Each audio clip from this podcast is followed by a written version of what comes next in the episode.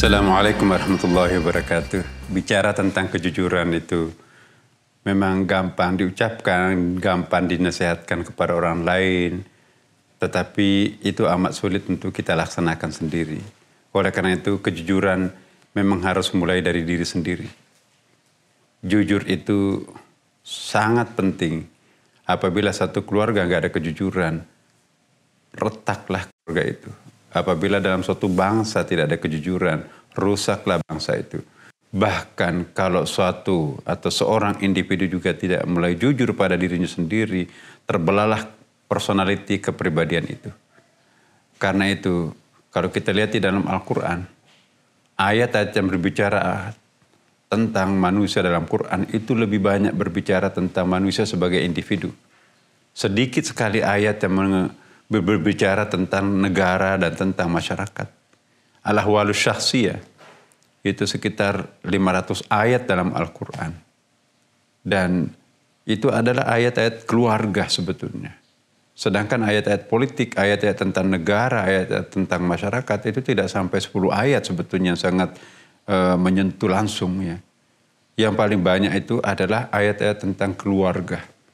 Kenapa? Karena kalau dalam keluarga nggak ada kejujuran, bagaimana mungkin bisa menciptakan suatu masyarakat yang yang kuat?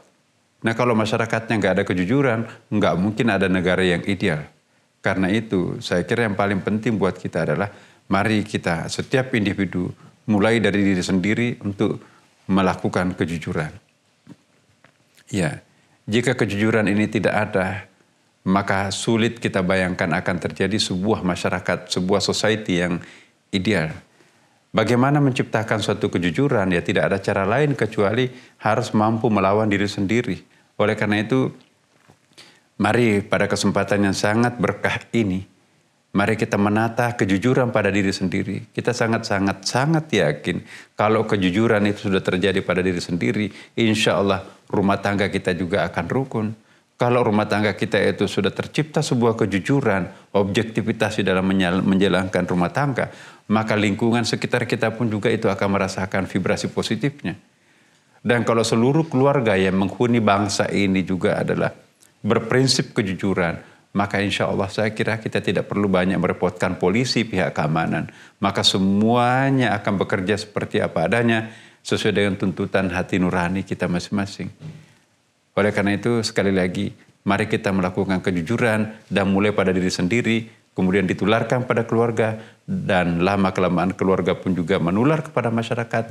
Masyarakat nanti juga pada akhirnya berdampak kepada bangsa. Bangsa yang jujur akan menjadikan negara itu negara yang kuat. Demikian assalamualaikum warahmatullahi wabarakatuh